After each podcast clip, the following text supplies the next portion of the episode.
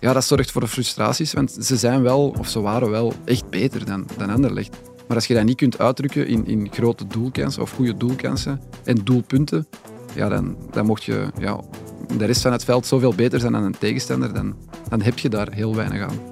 Ik ben voetbaljournalist Janko Beekman en elke maandag bespreek ik de voetbalactualiteit. Vandaag zit ik rond de tafel met mijn vaste vriend Koen Frans, Anderlecht-watcher Jurgen Giril en Club Brugge-watcher Pieter-Jan Kalkoen.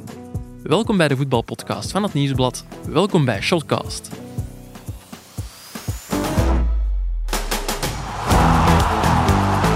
Kuipers met de kans en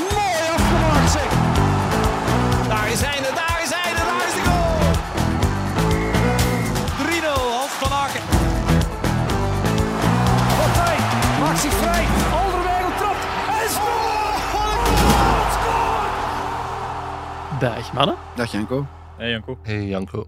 Jurgen, PJ, zijn jullie selfie-mensen?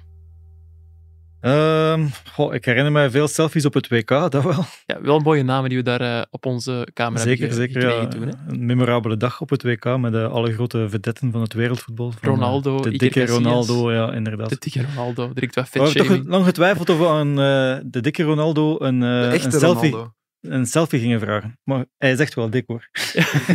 Ja, die hebben onze aarder moeten ronddoen, dat was echt niet evident. Maar eh, wel een, eh, een mooie herinnering. Ja, sympathieke mens ook. PJ, jij? Ik doe het nauwelijks eigenlijk. En zeker niet met voetballers, hè? Nee, nooit. Nooit. Nee, en waarom niet?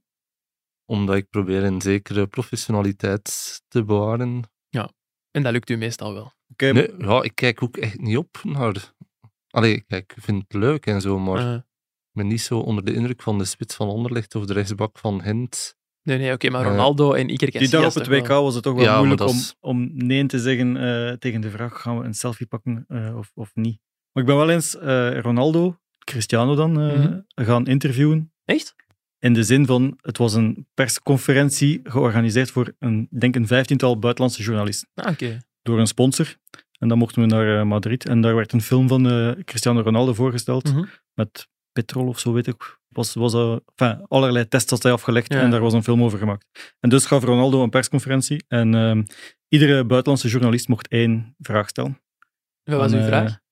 Ik had toen, want het- de truc was, je moet iets, iedereen wil iets vragen over zijn eigen land. Ja, tuurlijk. Eh, en er was een Duitser die bijvoorbeeld vroeg, eh, Cristiano, wat denk je van Marco Reus was dat toen?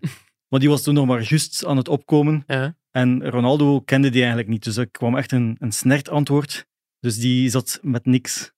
En ik had toen een beetje voorbereid en gedacht van, eh, het was een affaire Stijn Stijnen, Ah, ja. die gezegd ja. had van, we moeten hem van het veld eh, trappen. En ik had hem dan zo wat breder gevraagd van, ehm, gebeurt dat vaak, dat spelers u eh, willen van het veld trappen en hoe reageerde daarop? En herinnerde Mhm. dat nog met, met Stijn Stijnen en daar kwam dan wel een uitgebreider antwoord op. Maar om terug te keren op het selfie-verhaal, na, ehm, na die persconferentie wouden heel veel van die buitenlandse journalisten een eh, selfie met Ronaldo. Die stapten dus van, die, van dat podium. Ja. En ja, daar vlogen Zuid-Koreanen en zo, die vlogen er echt op. Dan dacht ik echt van, nee, dit, eh, dit, gaan we niet dit doen. gaan we niet doen, want dit is echt te veel idolatrie, dat, eh, daar, daar doe ik niet aan mee. Nee. Koen, leg jij misschien eens uit waarom ik de vraag over eh, de selfies stel? Ik heb geen idee eigenlijk. Geen idee. Nee. Het podcastfestival eh, zaterdag? Ik heb daar toch geen selfie genomen? Ah nee, dat is waar, dat is geen selfie. Ah ja, voilà. Maar waarom stel ik de vraag? Dat weet je wel. Hè. Omdat ik met Pommelien Thijs op de foto sta. Ja, vertel heel het verhaal anders nog eens. Heel het verhaal, ja. Wat dat we zaterdag hebben gedaan. En Ja, oké. Dus we waren zaterdag op het podcastfestival en de Janko... Quiz verloren. de quiz verloren van Meet Meet. Ja, moeten we erbij zeggen. Moeten we erbij zeggen, maar het was ook een beetje competitievervalsing. Het was met een buzzer om op af te duwen en wij zaten iets verder met onze zetel van, de, van die buzzer dan de mannen van Meet Meet. Nee, nee, die hebben verdiend gewonnen. Eh, maar de Janko is daar dus heel de dag bezig geweest over Pommelien Thuis. En, ehm, Die was daar ook te gast. Waarom? Waarom eigenlijk? Ja, ik ben een grote fan van Pommelien Thijs. Ja, En mee- ik zou ook- mee- meezingen en al? Veel meezingen zelfs. Maar ik zou ook nooit een, een selfie met een voetballer vragen, of toch niet met een, met een actieve voetballer. Ehm, maar Pommelien Thijs, ja, daar wou ik wel graag een foto ja, het is ook, denk ik, de enige bekende persoon waar ik mee op de foto sta ooit. En het excuus mij. was dan uw dochter. Dat is geen excuus, dat, dat was echt... Die was bijna... Nee, die was een beetje meer jaloers nog dan Janko, dat ik op de foto stond met Ja, de- Pommelien. Maar mijn dochter is vier jaar, hè, Janko. Koen is dus vroeger vertrokken dan ik op het podcastfestival. En ik was, nog, ik was er nog. En Koen stuurde plots een, een foto in onze WhatsApp-groep van hem met Ja, ik, ging, ik ging mijn jas halen in, in de backstage en ik pakte daar nog een koffie voor de lange rit van Oostende naar huis. En dan zag ik ze daar zitten en dan dacht ik, ja, nu ga ik Het is het en punten scoren bij mijn dochter en eh, een beetje de Janko eh jennen En heb ik eh, ja, mijn stoute schoenen aangetrokken en gewoon gevraagd of ze met mij op de foto wou. En ze heeft dat gedaan. Dus, En ja. ze was laaiend enthousiast. Ze was super enthousiast. Nee, ik denk dat hij dat een miljard keer per dag moet doen. Dus dat Vond is, het eh, wat ongewoon. Oh, oh, Jurgen is er terug bij. hij dat is ook we duidelijk. Ja, ja. Ik, En heb ook eh, een dochter, hè, dus eh, vandaar. Ja, ik niet. Ik heb geen excuus. Maar ik stel voor dat we het mes niet dieper in de wonden gaan draaien en dat we het voetbalweekend gaan bespreken. De oplettende luisteraars die zullen al gemerkt hebben dat we hier niet zoals gewoonlijk met drie, maar wel met vier zitten. Ik wist niet goed of we dieper moesten ingaan op de crisis bij Club Brugge of de wedergeboorte van Anderlecht, dus ik dacht, ik nodig Pieter Jan en Jurgen gewoon allebei uit. Waar zullen we mee beginnen? De topper? En de topper was Gent. Ja, eh, dat was voor mij toch oké, ja, Agent ja. Anderlecht niet qua spel, maar wel qua affiche. Een wedstrijd die op 1-1 eindigde. Eh, waar viel eigenlijk het meeste spektakel te beleven, Jurgen? Tijdens een match of op de persconferentie hierna? Dat was dan toch na de, na de match op de persconferentie, Mhm. want ja, Hein en eh, Riemer, dat gaf toch wel wat vonken en, eh, en vuur. Goh, het is hier Eh, echt eh, met het is echt, eh, de ene titel ja, na de andere. hè. Dus eh, ja, het, het, het- er was een, een, echt een spanning tussen de twee en dat kwam tot uiting op die persconferentie. Ze hielden zich eerst een beetje in. Het was niet dat ze echt elkaar in de haren vliegen bij Riemer. Moeilijk, hè? Maar eh, ja, het was toch eh steekjes onder water naar elkaar en dan ging het af en toe een beetje de moeilijke kant op. Ja, ik heb het stuk van onze collega Koen van Uitvangen gelezen. Die, die had het over groen lachen, maar ja, was het echt zo... zo... Maar het was al, Kattig. begonnen, het was al begonnen op het veld. Hè. Ehm, op een bepaald moment had eh, Dolberg een por gegeven aan, eh, ik weet niet meer hoe wie het was. En eh, Hein had de bal vast. Mhm. En Riemer wou die terug en stormde eigenlijk redelijk op, op Hein af. Ja. En daar, daar begon al een discussie. En dat ging zo na de persconferentie wel wat, na de match wel wat voort. Eh, daar zei Hein ook van, ja, eh Anderlecht heeft maar 15 matchen gespeeld. Wij hebben er 25 gespeeld. We Ja. zeuren daar niet over. Eh, Riemer die dan zo'n beetje over de blessure van Vertongen en, en Hazard die ziek was. eh. en zo werden er constant stekens gegeven. Hein zei ook van, bij Anderlecht gaat iedereen zitten. Ik heb Vertongen gefeliciteerd omdat hij dat niet deed. Dan vroeg Riemer, ja, Hein, ben je tegenwoordig al dokter? Dus daar, zo ging het wel en dat zorgde wel voor wat animo, ja. Ja, ehm, zijn jullie het ermee eens dat Anderlecht de bus parkeerde? Want dat zei eh, Van Azenbroek ook, hè? Ik heb het Riemer ook eh, letterlijk gevraagd van, zeg, was de bedoeling om zo laag, om zo, ja, niet dat, maar eh, was de bedoeling om zo laag te, te verdedigen? En hij zei eigenlijk wel, Ja. omdat hij vond dat in het verleden Gent dikwijls met die snelle spitsen à la Orban, à la Tissoudali, Ja. er doorheen, in de ruimte van de, in de rug van de verdediging, er doorheen voetbalde. Dus zou hij laag staan om dat op te vangen. En hij zei dat dat de bedoeling was. Maar het was ook wel de bedoeling om meer in balbezit dingen te tonen en iets hoger druk te zetten. En dat is dan niet gelukt. Eh, Ja, het was misschien wel de, de minste wedstrijd van Anderlecht de voorbije weken. Eh, want ze zijn wel aan een, een wederopstanding bezig. Ja, Zoals ik denk wel dat ze bij, bij Anderlecht tevreden zullen zijn. Ehm, die verdediging heeft het ook gewoon goed gedaan. Tegen in hun ogen de beste aanval van, van de reeks hebben ze eigenlijk geen enkele uitgespeelde kans eh, weggegeven. Eh, Vertongen, de Bast, eh, allemaal eigenlijk. De Leni daarvoor. Ja. Die hebben gewoon een prima wedstrijd gespeeld. Dus vanuit dat Nee. oogpunt was het voor Anderlecht wel een opsteker dat ze in zo'n match een resultaat kunnen halen. En laat ons Ehm, eerlijk zijn, het champagnevoetbal interesseert Riemer ook niet. Hè? Ah, en de, zijn visie op champagnevoetbal is niet de visie die wij hebben. Wij denken allemaal champagnevoetbal, ook als we dat aan Anderlecht linken, dat is een soort van Barceloniaans tiki-taka. Dat gaat Anderlecht zelden of nooit, nooit doen. Oké, je hebt daar die aanval op standaard van 40 stationnetjes. Dat doen ze dan wel als het uitkomt. Maar de bedoeling is gewoon om hoge druk te zetten, veel positiewissels te doen mhm. en zo tegenstanders uit te schakelen. En tegen Gent is dat iets wat dan niet... Tegen Cerkel lukte dat perfect, maar Gent bezet het veld veel beter dan Cerkel. Zet meer druk op alle, op alle ruimtes, waardoor dat dan niet lukte. Ja. En ja, dat, is- dat bedoelt Riemer als hij zegt van we willen champagnevoetbal spelen, is zo met veel positiewissels en hoge druk en, en snel verticaal spelen. Maar niet het tiki-taka dat ik denk wel, eh, als je zo speelt en je haalt geen resultaat, ja, dan heb je wel een probleem. Hè? Want wat vertelt je dan? dan? Dan kun je niet zeggen dat je tactiek of je aanpak geloond heeft. Nu pakken ze een punt en, en kunnen ze zichzelf verdedigen eh, voor, voor hun manier van spelen. Maar als je zo speelt en geen resultaten boekt, Anderlecht zijnde, dan heb je wel een probleem volgens mij. Ja, dat is waar. Dat is waar. En de volgende opdracht bij Anderlecht is echt om eens buitenshuis een topper te winnen. Want op, op Genk is het niet gelukt, op, eh op Standaard is het niet gelukt. Ehm Antwerpen thuis is dan wel gelukt. Eh, maar die volgende stap om echt titelkandidaat te zijn, is nu eens een topper te winnen. En ja, maar Gent is echt een ploeg dat hen niet ligt. Ze hebben al 14 matchen op rij niet meer gewonnen. Dus dat is, dat is wel moeilijk. Maar inderdaad, dat soort voetbal. Maar zolang het resultaat en dat het efficiënt is, is het voor Riemer al lang goed, denk ik. Mhm. PJ, gelooft je ondertussen eigenlijk al dat de Anderlecht play-off 1 zal halen dit seizoen? Dat is een zekerheid, eh, denk ik, bijna. Waar verwijs ik naar? Naar het eh, grote Clubwatchers-debat van in de voorbereiding. Dat wij bij het Nieuwsblad gehad hebben. Zes eh, Clubwatchers eten in Oostende. We gaan vaak naar Oostende tegenwoordig, precies. Podcastfestival, Vlaanderen jij ja. gehad deze week. Ja. Zet je nog vaak op die, eh, die uitspraken aangesproken? Wat gebeurt af en toe dat ik een keer een tweet krijg of een eh, melding via sociale media. En ik trek me dat totaal niet aan, eerlijk gezegd. ook omdat ik gewoon weet, ik vind ook als je meedoet aan zo'n debat, dan mag je wel iets zeggen, Mhm. eerst en vooral. En ten tweede, ehm Het was Anderlecht, dus, ja, Anderlecht is compleet onherkenbaar in vergelijking met die ploeg. Ik denk als we... Allee, het is ook gebleken trouwens, in die eerste match op Union, dat Anderlecht niet per se klaar was. Anderlecht van toen, intussen hebben ze toch wel wat aanwinsten gehaald. Ik zie Jurgen instemmend knikken. Dus, Ja, het middenveld is volledig veranderd. Hè. dus eh, ja, ik trek het mij niet zo hard aan, eigenlijk gezegd. Nee, misschien moeten we inderdaad wel die context geven. Op het moment dat we die, die, dat interview hebben gedaan, had Anderlecht hoeveel transfers gedaan? Twee of drie? Ik denk Dolberg was er. Patrice, Patrice, die al niet meer in de kern zit. de keeper. Eh Dupé. Wat en dat zal het, ongeveer, eh, zal het ongeveer geweest zijn. Want ja, het middenveld op Union was eh Arnstad, eh Diawara en eh, wie was de derde? Ashimeru. Hm, dat is inderdaad Dus een heel andere ploeg. eh, die is echt geen spoor meer. Hebben we ook genoten van Gent gisteren, Koen? Ik heb ze al beter eh, weten spelen. Het was misschien ja, voor hen ook lastig. Ehm, ik denk dat daarom hij ook zo gefrustreerd was, dat ze Mhm. tegen zo'n goed georganiseerd laag blok moesten spelen. En de spelers waar je dan van verwacht dat die de openingen kunnen vinden, zoals een Tissoudali, zo een paar keer de controle net niet. Eh, de voorzetten, waar, waar hij ook naar verwees, ja, ze hebben geen, ja, ze hebben geen reuzen om, om de voorzetten van Brown of Samoise binnen te koppen. Hij mist Darko Lemaic. Ja, wel straf dat hij dat Komt er zegt. vaak op terug ook. Hè. Ja. ja, hij heeft het wel gezegd in de voorbereiding ook, hè, dat ze zo'n type... Maar ze hebben de Poitre nog, maar Mhm. die is eh, ja, heel lang geblesseerd. Ja. Eh, ik weet niet of hij eigenlijk al bijna terug Maar de is. patter is ook niet zo groot. Hè.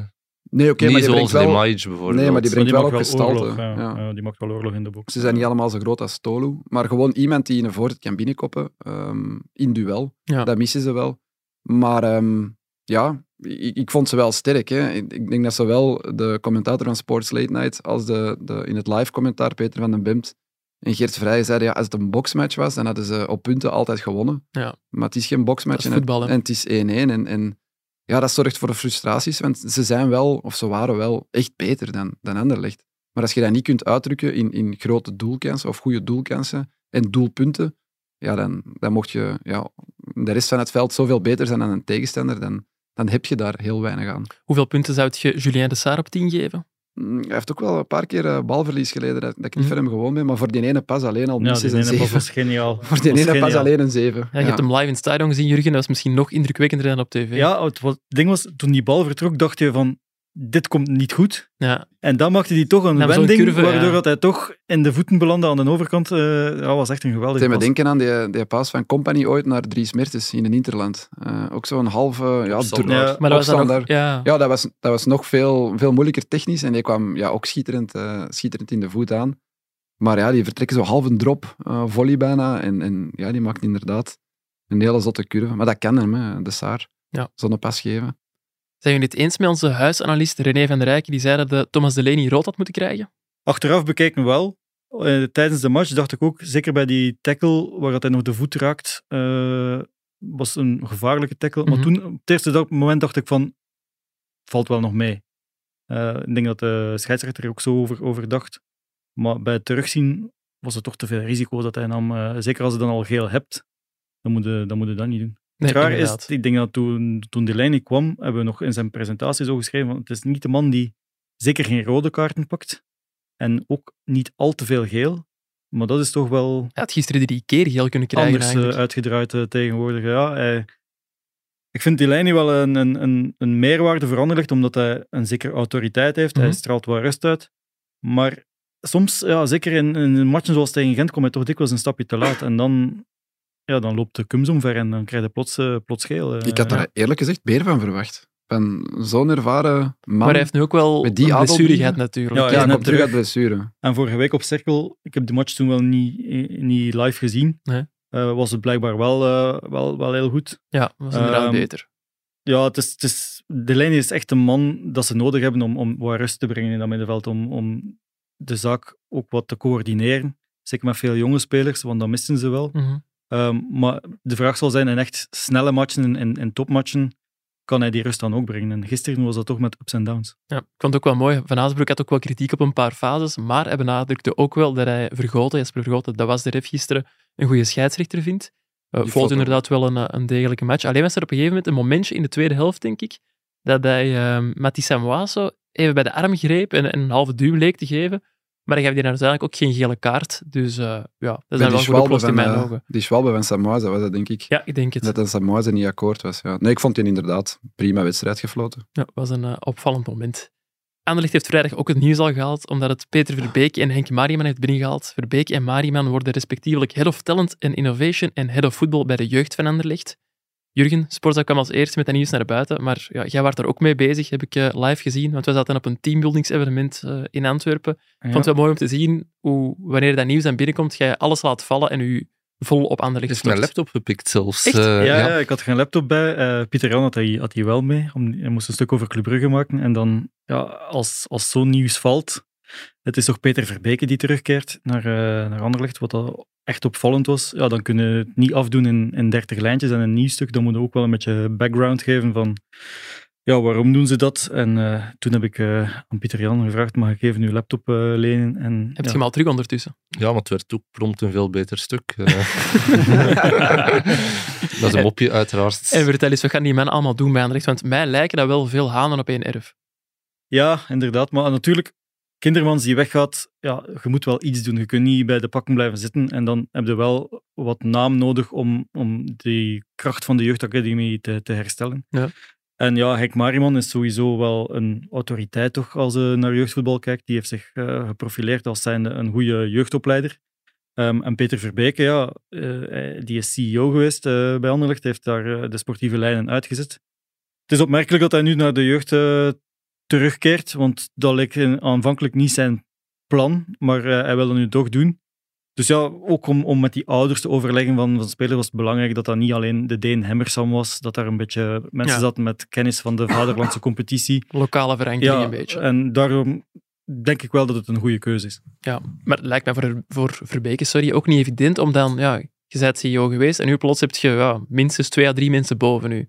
Nee, maar goed, ik ken Peter vrij goed. Ehm, ik denk dat hij ook het een beetje gehad heeft met vol in de storm te staan. Er is Ja. ook heel veel op hem afgekomen de laatste maanden. Hij zal blij zijn dat we het nu over hem hebben. hè. Zijn familiale situatie is ook eh, gekend. Hij heeft een, eh, een gehandicapt zoontje. Ja.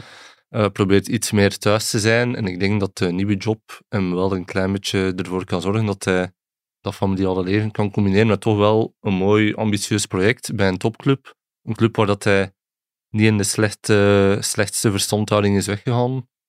Eh, dus in die zin is het, is het voor hem wel een logische stap. En ik denk dat hij het ook kan blijven combineren met andere projecten waar hij de voorbije maanden dan eh, zijn goestingen gevonden had. Dus op die manier is het eh, op zich wel logisch te verklaren. Ja, oké. De ploeg die profiteerde van het gelijkspel tussen Gent en Anderlecht was Union. Union won vlotjes met 3-0 van KV Kortrijk. Dat zijn al acht overwinningen op een rij en zes punten voorsprong op eerste achtervolger Anderlecht. Wat moeten we eigenlijk, eigenlijk nog zeggen over Union? Ja, dat vraag je ondertussen bijna elke week, hè, Janko. Ja. Ik, ik weet op den duur ook niet meer eh, wat je daar nog over kunt zeggen. Het is eh, ongelooflijk wat ze presteren. Ehm, voor het seizoen hadden ze ja, niet echt bij de absolute zekerheden voor play-off 1 gerekend. Ehm, ja, nu kun je bijna met 100% zekerheid zeggen dat ze play-off 1 zullen spelen. Je kunt zelfs vrij zeker eh, stellen dat ze de, als leider misschien zelfs die, die, die eh, play-offs gaan beginnen. Het is gewoon straf wat ze week na week laten zien. Acht wedstrijden op, op rij. Ehm, nu was Amoura er niet bij. Dan speelt die Kevin Rodriguez. Die scoort dan twee keer. Vooral dat tweede doelpunt was, was, was ongelooflijk. Eh, alles in één tijd. Sadiki op Puertas, Puertas op Rodriguez. Rodriguez in één tijd in die verre hoek. Ja, het is gewoon verbluffend. Ik, ik heb er geen, geen ander woord niet meer voor. Het is bijna nu nog straffer dan vorig seizoen, vind ik. Want nu zijn er echt heel veel spelers weggegaan. Senelinen, Thuma, Boniface natuurlijk, Nieuwkoop. Eh, ik denk Adingra zat er ook. Dus ja, ik vind het nog straffer dan het, het jaar voordien was het echt wel van Zaire Oendaf. eh, die dan een beetje het mooie weer maakten. Nu was het in elke linie een sterkhouder. En toch slagen die er inderdaad in om, om gewoon voor te gaan op dat elan. Dus het is echt wel ja, verbluffend, is het woord dat Koen gebruikt. En dat is op zijn plaats, denk ik. Hè. Ja, het is vooral heel straf ook hoe dat ze ehm, ja, iedereen erbij betrekken en iedereen zich daar onmiddellijk welkom voelt. Eh, je had de, de beelden gezien van Rodriguez na zijn penaltymisser tegen Club Brugge. In zak en as, maar iedereen ging hem steunen. Nu scoort hij twee keer. En ik zag een filmpje op de sociale media van Union dat ze met hem dan naar de, naar de supporters gaan om het, eh, het clublied van uh, Bruxelles en Maville uh, te zingen. Sadiki die hem dan mee op sleeptouw neemt. Dus ja, er zit een heel sterke teamgeist in die ploeg. En, en uh, ja, al die spelers worden in het verhaal uh, opgezogen en erbij betrokken. Ook al zijn er nog maar een paar spelers uh, overgebleven van, van het originele Union, van het eerste jaar in, in eerste klasse. Toch is dat een, een ja, om het terug met een walgelijk woord te, te zeggen, het DNA van die club. En, en die spelers worden daarop gescout. En een heel sterke, een heel sterke groep is, is minstens even belangrijk als sterke individuen. En daar is Union misschien wel een mooi voorbeeld van. Wat misschien wel de kracht is van Union, is dat, ah, ik heb daar net op de vergadering ook gezegd, dat die spelers ook voor Blessing spelen. Hè. Want ja, zijn privésituatie is, is wel gekend. Zijn vrouw die dan uh, een trombose heeft gedaan in haar mm. rug. En, en ja, dat is, die gezondheid is, is moeilijk. Um, en daarom is, is het ook een optie geweest. Blessing had ook gerust kunnen zeggen van jongens, ik ga terug naar Duitsland um, en, ik, uh, en ik ga voor mijn vrouw zorgen. Ik ben, mijn thuissituatie roept mij. Ik ken Blessing een beetje en zijn vrouw zal dat ook niet willen. Die zal ook willen dat hij bij Union blijft. En het feit dat hij dat doet, kan die spelers ook aanzetten van ja, die, die coach toont zoveel betrokkenheid voor ja. ons, dat wij een, een, strap, een stapje extra zetten voor, voor hem. En, en dat is ook de veerkracht van Union, denk ik, dat die altijd weer, ook na die moeilijke Europese match, nu gewoon weer de rug richten en er staan. Pieter Jan, Jurgen, zijn jullie eigenlijk jaloers op Valerie van Avermaat, onze Union-watcher? Of is het niet leuk om te moeten schrijven over een ploeg waar het zo goed gaat? Uh, wat het leuk maakt aan Union is dat altijd iemand anders is die het doet. Wat maakt dat het heel makkelijk is, of heel makkelijk, ik wil het niet minimaliseren, maar makkelijker is om iedere keer een frisse insteek te vinden. Mocht Union week na week winnen en het zijn elke week dezelfde elf en het is elke week uh, Nilsson die er twee binnenramt, ja, het is moeilijk om dan keer op keer een andere insteek te vinden. Mhm. Dat is nu niet het geval en het is inderdaad gewoon veel plezanter om, om in een leuke, goed draaiende club te werken. Iedereen is goed gezind. Er is meer mogelijk. Ja, er is meer mogelijk. Ik heb vijf jaar op Anderlecht gezeten, samen met Jurgen. Toen dat echt... Toen het echt uh, slecht ging, ja. Maar echt slecht. Ja. En dan op den duur, En ja. op den duur zitten echt week, week na week bezig met uh, ja, kritiek te geven en, en, en zeggen van dit moet beter. Het is ook leuk om, om eens te kunnen zeggen van het gaat goed. Uh, Anderlecht zal, zal meedoen uh, voor de top drie. Uh, en dan inderdaad, er kan meer. Als ze dan al eens een interview aanvraagt, dan zijn die schappelijker om dat, om dat te geven. Ja. Ik heb de twee uiterste uh, in twee jaar na elkaar meegemaakt. Eerste jaar Beerschot op het hoogste niveau stonden die, ja nu, zo half november, stonden mm. die aan de leiding. Alles mocht. Ze zijn net als Union nu ook herfstkampioen geweest, hè, Beerschot, een paar jaar Ja, geleden. maar het jaar nadien zijn ze wel gezakt. Ja. Dus ik wou zeggen, dat eerste seizoen mocht alles. Je kon iedereen spreken. Iedereen was super, super uh, open naar de media toe. Dat tweede jaar ja, was een ramp. Uh, drie train vier trainers zelfs. En, en iedereen haatte nu. En je was te kritisch. En, en je was de slechtste journalist op aarde. Ja, op twee jaar tijd kan dat, kan dat, ja, dat verandert wel veel, ook voor de journalist. Uh, ja. Of een ploeg de slechtste journalist op aarde zouden we inderdaad niet meer noemen. dat vind ik een beetje grof. Ik vind wel, als het slecht gaat, moet je als club ook voldoende interviews blijven geven. Ja. Want anders lokt het uit dat je analyses begint te maken en dan beginnen analisten uh, u te analyseren, wat dat is altijd doen uiteraard, mm. maar dan heb je dat niet minder in de hand. En als je zelf interviews geeft, dan bepaal je uh, als club zelf een beetje mee de toon waarover dat er over u gesproken wordt. En dat is wel belangrijk, denk ik. Pluim aan Westerlo dit jaar, die toch lang onderin uh, hebben gestaan en er nog altijd staan, die doen dat wel gewoon heel keurig. Die werken nog heel goed mee. Ja, toch? En die zijn niet uh, ja, negatief naar de media toe, ook al moet, moet je negatief schrijven. Uh, zeker in het geval van Westerlo. Ik denk dat Kirsten Steurbout regelmatig heeft gewezen op die dure aankopen die ze hebben gedaan, om daar dan mee helemaal onderin te bengelen. Ja. Maar Westerlo, die, ja, die maken zich daar niet druk en die blijven gewoon zich op dezelfde manier gedragen naar de media toe. Dat is fijn. KV Kortrijk was dan weer minder flitsend dan de jas van Glenn van Glenn de Boek sorry, en blijft laatste. Wel een terecht compliment van uh, Valerie, die liet weten dat de Boek Engels sprak op zijn persconferentie om ervoor te zorgen dat uh, Alexander Blessin alles zou begrijpen. Dat is mooi van de Boek. Ik vind het ook een beetje kleintjes, als ik daarop mag inpikken, om altijd over die jas van de Boek en zo te beginnen. Ik begin ja, er ik niet over. Niet... Maar Heb jij ook een berichtje gehad van eh, de boek? nee, maar wat, wat doet het er eigenlijk toe? Of dat hij nu een grijze jas of een bordeaux jas Ja, of maar een... die, die jas die hem nu dit weekend weer aan had, is toch wel echt... Als je zo'n jas aandoet, dan weet je toch dat daar iemand iets over gaat zeggen. Dat is mijn Dat is probleem ook niet, dat die opvallende aandoet. jas. Waarom doet hij zo'n opvallende jas aan? Ja, waarom, Maar- waarom nee, nee, niet, denk ik Maar het, eigenlijk. het eh, aandoen op zich mag. En als we het dan vaststellen dat dat een opvallende jas is, dan mag dat volgens mij toch ook. Maar dat hij daarna op een persconferentie begint dat we hem zoeken en zo, dat vond ik persoonlijk ook wel een dat beetje snap raar. ik. Dat snap ik. Want hij weet goed genoeg dat er een opvallende jas is. Dat weet iedereen, hè, die ziet. Ja, dat is waar. Eh, Koen, jij hebt trouwens geluisterd naar Dave en Patje, de podcast van Dave Peters en Patrick Goots.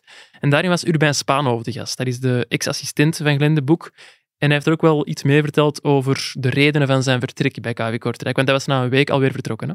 Ja, Urbain Spaanhoven was daar eh, redelijk open over. Hè. Hij zei dat er totaal andere verwachtingen waren, zowel bij de boek als bij hemzelf. En ja, er is toch wel iets gebeurd na die ene match dat hij als assistent op de bank zat. Dat was toevallig de wedstrijd, Janko, waar wij bij waren.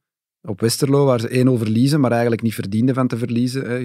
Herinnert je nog die eh, afgekeurde goal van, van K3? Mhm. Wel, na die match zijn ze geclashed. Al is clashen misschien een groot woord. Ehm, had had eh, de boek, ja, wilde die het over een andere boeg gooien, terwijl Spaanhoven wilde verder bouwen op wat er die avond gepresteerd was. Eh, en niet veel later zijn ze dan, dan uit elkaar gegaan. Hij zei er wel bij dat, eh, ja, dat ze eigenlijk geen duidelijke afspraken op voorhand hadden gemaakt. Dus dat stak wel de hand ook in eigen boezem, dat ze dat misschien beter wel hadden gedaan, maar er was weinig tijd.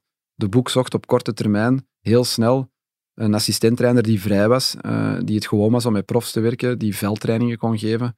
En zo is hij bij Urbijn Spaanhoven uitgekomen.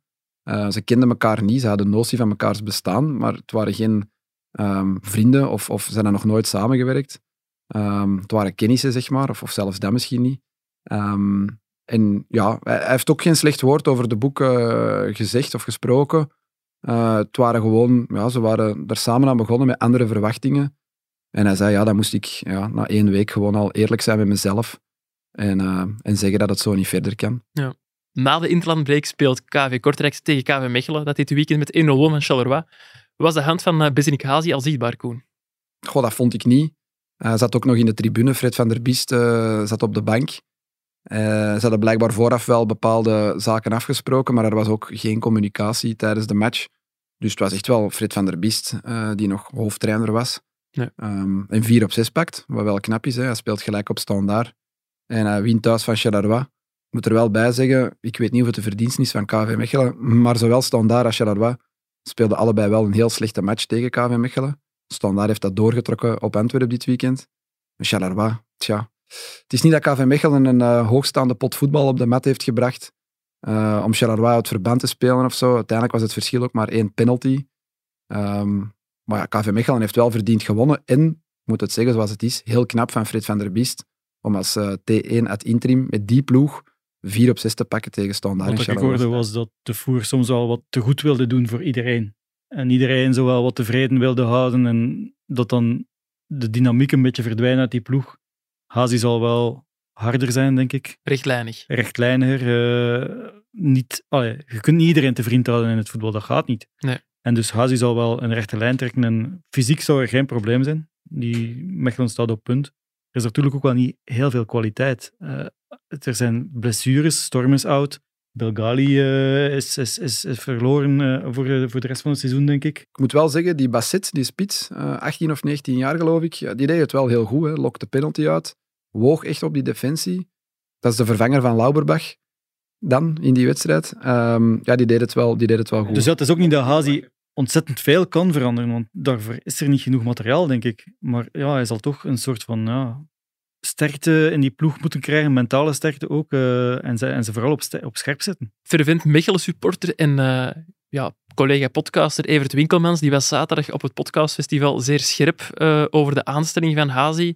Vinden jullie het ook een inspiratieloze keuze? Ja, maar als iemand wil die de Belgische competitie goed kent Mhm. op dit moment, wie pakte dan? Hazi was vrij, oké. Okay. Mark Brijs was ook vrij, maar die was dan net ontslagen bij, uh, bij OHL. Ja. De keuze is, lijkt mij redelijk beperkt.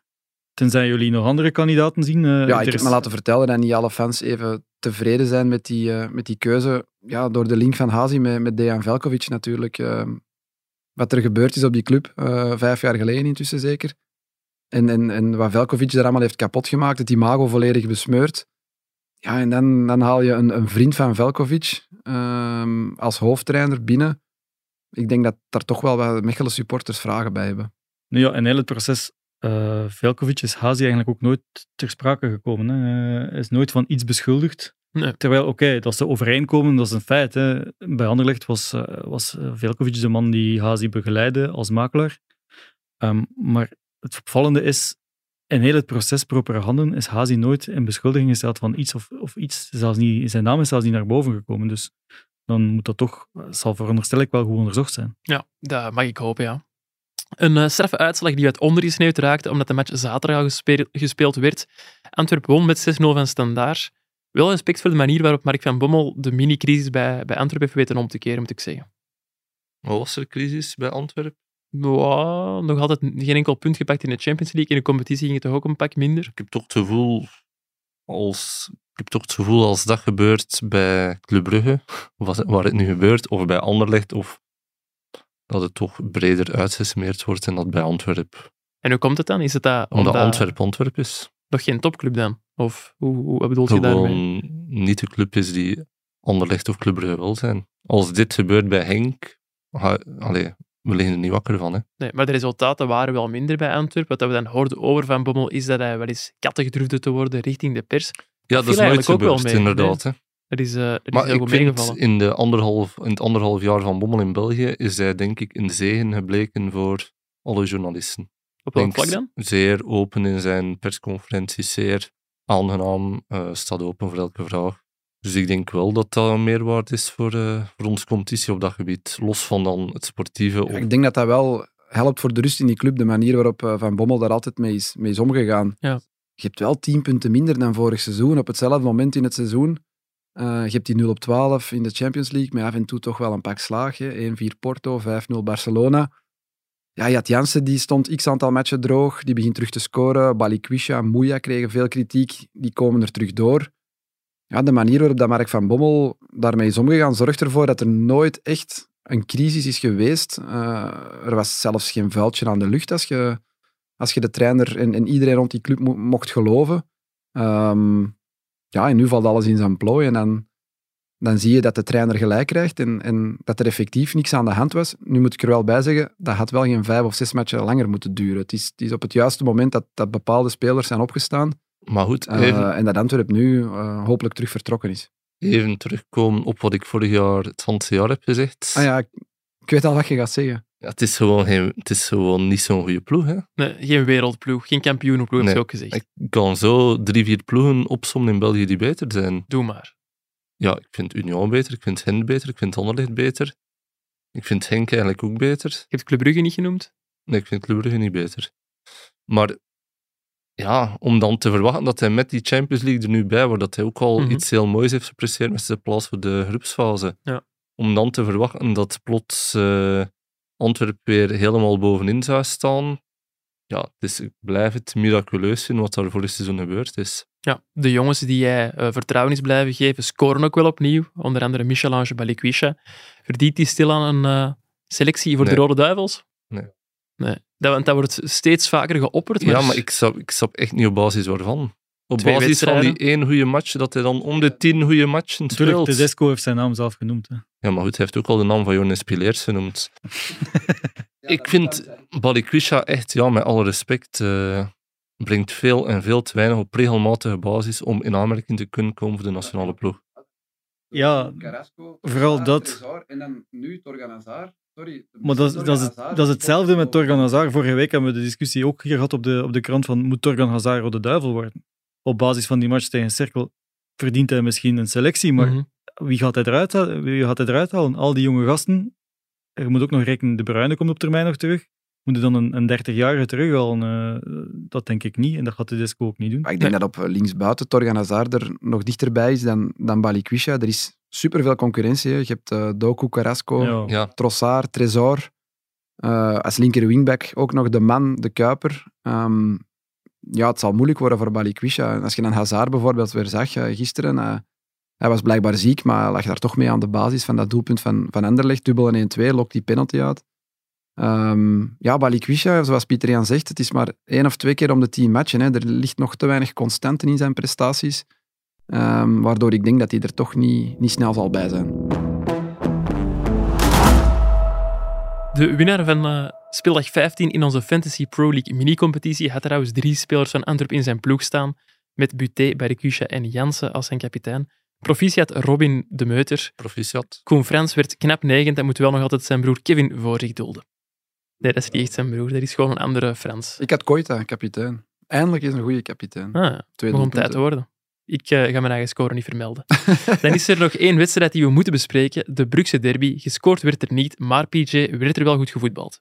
Ik vond het een best aangename derby, maar ik vond het nu ook niet om te zeggen dat dat de, de absolute topmatch vanuit uh, op Belgisch niveau was. Ik vond het goed, zonder meer.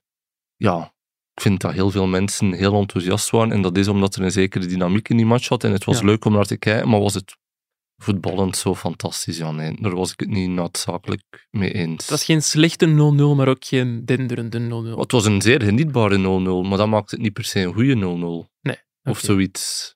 We gaan niet blijven filosoferen over 0-0. Ja. ja. absoluut. Gezegd, het was een vervelende match bij momenten. Ja, het, viel, het, is ook, het is goed begonnen, maar het is dan ook heel poos stilgevallen, bijvoorbeeld. Dus ja, nee.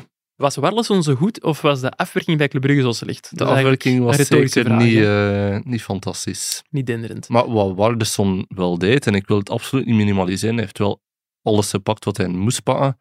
Eén zeer goede redding op dat schot van Scovolsen. De andere bal pakt hij uh, bovengemiddeld goed. Mm. Maar ik denk toch dat de afwerking daar vooral beter had gekund. Hij heeft wel een meegekregen in de krant. Zeer Terecht. zeldzaam. Terecht toch? Ja. ja. Oké. Ja, want hij was absoluut wel de matchwinnaar. Ja, absoluut. Dat is waar. Hij heeft dus- een punt gepakt voor Cercle, dat is mooi. Wel opvallend, in het laatste nieuws stond dit weekend een stuk waarin vrij stevig naar Ronnie Dela werd gewezen.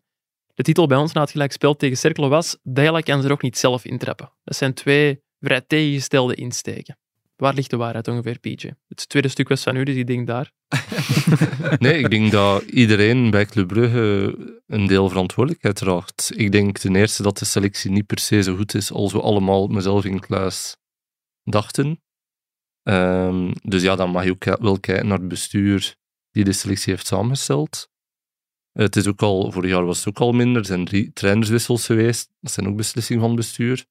Maar je kunt ook niet ontkennen, Dela heeft twee van zijn laatste tien competitiematchen gewonnen met Club Brugge. Ja, dat dat onvoldoende is en dat er ook maar geen lijn in het spel komt. Het was nu wel uh, absoluut acceptabel tegen Cercle en zal zeker kunnen winnen. Maar mm. ja, op Union was het dan zeer slecht, op Kortrijk was het zeer slecht.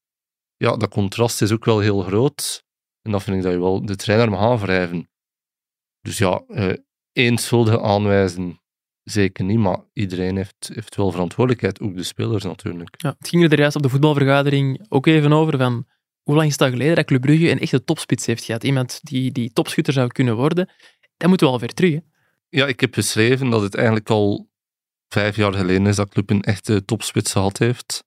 En dat was dan ook een jongen die zelfs wat tijd nodig heeft gehad, maar dat was Wesley. Wesley, de Braziliaan. Ja, Moraes. Uh, twee, mooi, goede uitspraak ook. Die twee periodes bij uh, Club Brugge heeft gevoetbald. Ja, maar het is over de eerste periode. Ja, ja, de periode dat ze hem zwaar verkocht hebben dan uh, Villa, denk ik. In de 20 miljoen zeker? Ja, toen was dat wel... Maar sindsdien, ik heb de lijst gemaakt. Ik zal er ook morgen een artikel over maken. Dan heb je oh, plat, jongens als Diagne, uh, Kremenchik, hoe noemt die uh, andere zwarte jongen weer die uit Italië is gekomen? Okereke. Okereke. Um, Bas Dosta was dan nog acceptabel. Adamian. Adamian uh, was ook acceptabel. Ja, Jaremchuk. Dus allee, er zijn wel... Er is toch wel wat geld gespendeerd de laatste jaren aan een goede spitshal. Dat mogen we wel zeggen. Zonder al te veel succes. En ook die twee jongens van dit jaar, of ja, Jutsla was er vorig jaar al, Thiago, ja, het is ook niet dat ik daarvan weggeblazen ben. Zijn dat oké spitsen? Ja, gaan die een doelpunt maar Ja, omdat ze bij Club Brugge spelen. Maar het is te weinig. Dat is streng, maar op, het is niet goed genoeg op dit moment. Ja, het is, eigenlijk hetzelfde, maar... Het is frustrerend, denk ik, voor Club Brugge-fans, omdat er bij andere clubs wel die spitsen opduiken. Ik zie nu Dolberg, eigenlijk een koopje voor Anderlecht, maar mm ja, 20 goals hij had Ludo voorspeld. Het gaat waarschijnlijk het gaat gebeuren. Als je ziet hoeveel geld Anderlecht dan spitsen heeft uitgegeven de laatste jaren, dat zal niet zoveel zijn. Oké, nu hebben ze er twee. Ze hebben er veel gehuurd, maar het waren wel goeie. Niet altijd. Bon, eh, er zijn er gepasseerd Veelal, eh, veelal. die, niet, die, niet, die niet goed waren. Maar ja, inderdaad, Nemetja was goed, Circe was goed, Kwame was goed. Ehm, dan de, de twee van vorig jaar waren, eh, waren niet goed. Ik ben zelfs de namen eventjes... eh, Esposito. Esposito, Esposito, ja, Fabio Silva. best oké. Fabio- Fabio Silva. Fabio. Silva was inderdaad eh, een eigenzinnige Ja. spits wel, maar oké, die, die scoorde wel zijn doelpunten als het moest. En is ook maar een half jaar gebleven natuurlijk. Eh, maar Dolberg heeft er nu al meer dan eh, Fabio Silva. Beter een eh, goede spits huren dan een slechte kopen. Daar zit wel iets in. Ja, dat is altijd het grote risico natuurlijk, want ehm, dat was een beetje waar dat ze bij Anderlecht ook wel heel hard mee inzaten in de financieel moeilijke tijden. Op een bepaald moment moet je toch investeren in een spits. En als dat dan niet loopt, dan zit je direct al met een probleem, want een spits kost sowieso veel, zoveel geld. Eh, bij Dolberg hebben ze dat nu wel geforceerd, dat dat om aanvaardbare bedragen ging. Maar je hebt bijvoorbeeld ook Luis Vasquez, die trouwens ook eens op de lijst van eh Club Brugge heeft een gestaan. in het- dramatische invalbeurt in gisteren. het verleden. En ja, toch 5 gisteren, miljoen gekost, denk ik ook. gisteren was dat toch problematisch. eh. De- zijn aannames waren echt vreselijk Struikelen over de struikelen bal. over de bal. Dus ja, daar zit wel nog wat eh, marge op eh, Ja. voor verbetering. Als je de laat laag genoeg legt. En die heeft natuurlijk ook wel 5 miljoen gekost. eh. Ja, dus, niet niks. Niet niks, inderdaad. Maar goed, hij is blijkbaar ook opgeroepen voor de Argentijnse beloften. Ooit. nee, nu. Ik Nu?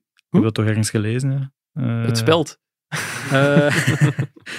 dus eh, nee, eh, misschien zit er wel potentieel in op termijn. Ook veel aanpassing nodig natuurlijk. Vanuit Zuid- Zuid-Amerika naar hier komen. Maar Ja. we zullen zien. Wel ja, die tijd wil ik Thiago ook nog geven. Komt uit. Bulgarije. Eh, toch een minderwaardige competitie, spreekt geen Engels of nauwelijks. Was ook goed begonnen. Ja, ik Maakte vond ook gisteren, gisteren bracht hij wel iets, ik kan niet goed benoemen wat het Ik exact las het was. in een stuk, ik moest lachen. Ik wist niet wat een mopje was of dat je het Nee, het meende. was, ik meen het. Allee, ja, het was een leuk... eh allee, het was een mopje. Nee, het was geen mopje. Ik meen het wel, maar ik vond het leuk omschreven ook. En ja, hij bracht wel iets bij. Ja, ik weet niet goed wat hij bracht, maar er, er was wel iets. Présence.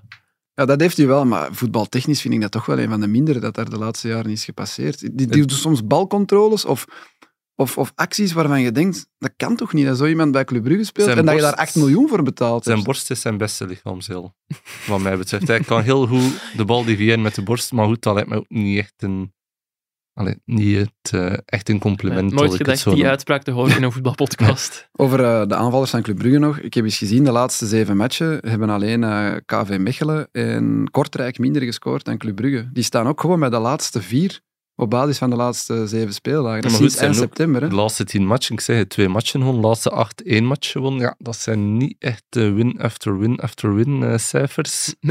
Zwaar. Dus ja, het kan wel. eh, er is ook marge voor verbetering. Je zei het al, PJ, ook Ronnie Dela is niet zonder zonde. Niemand is zonder zonde bij Club Brugge. Moet Dela dan ook vrezen voor zijn job? Of... Ik heb geen signalen dat hij moet vrezen voor zijn job. Ik vraag het, maar het is een interlandperiode. Dat is Ja, altijd een gevaarlijke altijd- periode voor een coach. hè. Ja, bovendien, ik ben ook nog maar een paar maanden eh, Club Brugge-watcher, dus het is voor mij nog een beetje... Je, je Zoeken, kunt, ja, je ja. kunt hier niet zeggen 100% ik kan zeker. niet 100% Nee, nee, dat zeker zeggen. Ik, ik kan wel een keer verrast worden, om eerlijk te zijn, maar ik krijg geen signaal dat hij op de web zou zitten. Daarbij gehoopt natuurlijk dat ze vorig jaar drie tra- trainers hebben gehad en Ja. dat het nu weinig aangewezen is om dan opnieuw een trainer te ontslaan. En, en dat mogen we toch niet vergeten, in Europa na vier speeldagen gekwalificeerd voor de volgende ronde. En in de competitie nog steeds, weliswaar al op respectabele afstand, maar nog steeds in de slipstream van de topploegen. Ja. Eh, ik denk dat ze echt nood hebben aan een reeks nu. Dat wel. Eh, maar stel dat ze nu de komende drie matchen eens zouden winnen. Ik zeg niet dat dat gebeuren zal. Maar dan denk ik dat we al direct over een ander klassement praten. En dat alles, de wereld er weer helemaal anders uitziet voor... eh, Ja. Als het gaat over kattig reageren, Dela leek wel een beetje gepikeerd op de persconferentie, Hij is toch? een beetje gepikeerd de laatste tijd. Op ja. u persoonlijk ook? Nee, niet op mij persoonlijk. Nee. Allee, nu, ja, ik stel de vraag die ik moest stellen en ik lig er dan niet zo wakker van of dat hij kat is of niet. Ik denk dat hij mij wel kan hebben, of dat, die indruk krijg ik toch. Eh, maar ja, het wordt een beetje veel natuurlijk op den duur. Ik hoorde op Anderlecht wel het, het geluid over zijn uitspraak. Dat hij zei van, we hebben nu op mijn manier gespeeld Ja. en we hebben gewonnen. Bij Anderlecht klonk wel, als de trainer dat hier zegt, dan staat het kot in brand. En bij Brugge passeert het dan weer wat makkelijker, precies. Maar dat was toch een opmerkelijke uitspraak. Dat was opmerkelijk, maar ik had die zelf pas de dag nadien gehoord, want hij heeft hij op tv gezegd en Ja. ik zat op de persconferentie te wachten. En ja, dat is omdat er toch geïnsinueerd is, en waarschijnlijk zit er wel een, een, eh, een stukje waarheid in. Dat het bestuur op een bepaald moment heeft gezegd van kijk, we zouden liever hem dat je zo, zo of zo speelt. Ik heb ook wel signalen gekregen dat Dela zelf ook wel tot de nodige inzichten was gekomen. Uh, allee, ik ben daar eigenlijk 100% zeker van. Maar goed, de twee zullen elkaar misschien versterken. Het hangt ook af van wie dat je spreekt. Of dat het dan invloed van het bestuur is of Hmm. een geniale ingeving van Dela zelf. Feit is dat hij op een bepaald moment wel dingen veranderd heeft. Logisch, want het liep niet. Daar is dan op een bepaald moment resultaat mee geboekt. Er zijn wel dingen gebeurd. Was dat zijn eigen idee? Was dat het idee van bestuur? Ik denk dat ze elkaar wel voeden, mag ik hopen, met al dan niet... eh, idee. Eh, wat ik denk, maar Pieter Jan, eh, je mocht me te- tegenspreken als het niet klopt, kun je met dit Club Brugge, nu Scov Olsen en, en Noosa een tijdje oud zijn, niet beter 3-5-2 spelen? Met Buchanan en eh, de Kuiper op de, op de wingback? 3-5-2 is een systeem dat Brugge absoluut ligt, maar dat is dan inderdaad in de veronderstelling dat Scovolsen en Noosa er niet zijn, want anders zet je die, dat zijn je beste spelers die dan niet op de beste plaats zet. Ah ja. En ook een zwakte van dat systeem is dat je geen twee deftige spitsen hebt. Ja, in die 3-5-2 kun je toch ook Scov Olsen of Noosa als, als valse tweede spits rond, ja, maar ja, dan je 9 je eigen beste speler in een keurslijf dwingen. Mij lijkt het beste systeem, ik heb het ook al gezegd in Dela. Maar hij beweert dat het dan zeer moeilijk wordt om druk te zetten. Waar ik dan ook een nuance bij plaats, want zoveel fantastische druk zie ik niet door Club Brugge. Maar mij lijkt een 3-4-3 wel aantrekkelijk. Omdat je dan... Ja, je, je trekt van A naar achteruit. Naast zo'n bijvoorbeeld, die nu toch heel vaak heel laag staat om de opbouw te verzorgen. Want ja, daar schort het toch een klein beetje aan met Mechelen, Pileers, Ordonez. En dan kun je Noosa en Scovolsen gewoon als pocket of als buitenspeler. Allee, geef hen gewoon de vrijheid van loop waar je wil. Meijer komt dan centraal achterin erbij. Wat dat ook de opbouw zou verbeteren. Maar goed, ja, blijkbaar is dat niet... eh, is dat een zeer foute suggestie van mezelf. Dus eh, ik ken er ook niks van. Heeft hij dat ook gezegd tegen u van Pieter Jan? Nee, hij heeft gezegd eh, dat, op dat, dat hij op die manier geen druk kan zetten. En ja, ik ken ook niet zo heel veel van druk zetten af. dus eh, ja, Ja, als je naar de, de, de onderliggende cijfers bij Club Brugge kijkt, is het ook allemaal niet zo dramatisch. Hè? Ik heb eens de expected points erbij gehaald.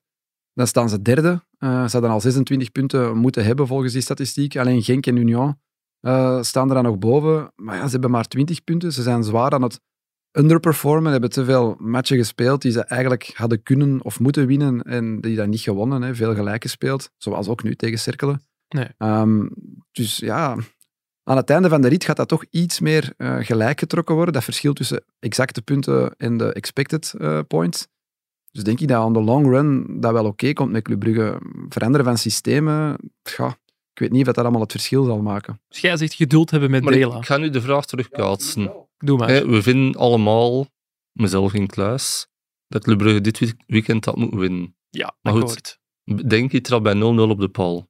Ja, op dat moment dat Wa- Warleson er al twee bijna gemaakte doelpunten uitgehaald. Hè. Eh, een, een- een aanvaller met iets of wat vertrouwen eh, trapt die mal van Scovolsen toch wel binnen, denk ik. Ja, zwart. Allee, bij 0-0 trapt denk je op de paal. Bij 0-0, ja logisch, bij 0-0, het is 0-0 gebleven. Ehm, ehm, krijgt Bogo ook een geweldige kans. En Ja. Mominho een geweldige redding doen. Ja, ik zeg gewoon, als het een beetje had tegengezeten, verliest Club Brugge. Ja, ja, ja. En ja. dan zitten we hier weer met een ander verhaal en dan kunnen we praten over de underperformance zoveel dat je wil, maar op het einde van de rit gaat het gewoon om de punten. Ik vind dat Brugge gisteren meer verdiend had, absoluut. Maar goed, ja, het- er is altijd wel iets ook. De ene week is een individueel foutje, de andere week scoren de spitsen niet, de andere week eh, is het weer ge- geflaat achterin. Het is altijd iets en dat lijkt mij niet gezond. Nee, zeker niet voor een eh, topclub. ja, Nee, en dat eh, be- ben ik allee, het mee eens. één match op acht gewonnen. Dat lijkt mij niet zo, niet zo vet te zijn. Nee, dat, dat mocht je zeker zeggen, Eh, dus ik ben, ja, ik ben jaloers op Valerie van Avermaat om terug te komen op een kwartier terug. Of eh, Ronnie Dela alsnog de raad van Pieter gaat opvolgen, dat zullen we na de interlandperiode zien. En wij, wij gaan ondertussen over naar onze afsluiter. Jurgen PJ, hebben jullie al gehoord van onze nieuwe rubriek in Shotcast? Dat is een, een, een test om te zien of jullie nog luisteren naar de podcast. Gaat het over de vergeten Allee, de cultheld in de provinciale reeks. De legendes in de lagere Ja. reeks was de naam, maar ik, ik keur het goed. Dank u. Jullie hadden er dus van Jurgen ook, zie ik hem knikken. Ja, want ik ben hier op Koen zijn computer aan het kijken Ja. en er staat in grote letters legendes. Koen, heb jij nog legendes in Ja, de lagere legendes reeks is- gespot? staat er inderdaad eh, niet groot op mijn computer, maar het is, het is, eh, het is een groot woord voor de, de spelers die ik, eh, die ik eh, doorgestuurd heb gekregen. Deel ze toch maar. Yannick Rijmenens. Die naam, Wat? Ja, Yannick Rijmenens heeft nog in eerste klasse gespeeld bij Ah. STVV. Meer dan 100 profmatchen zelfs, volgens Transfermarkt. In welke periode dan?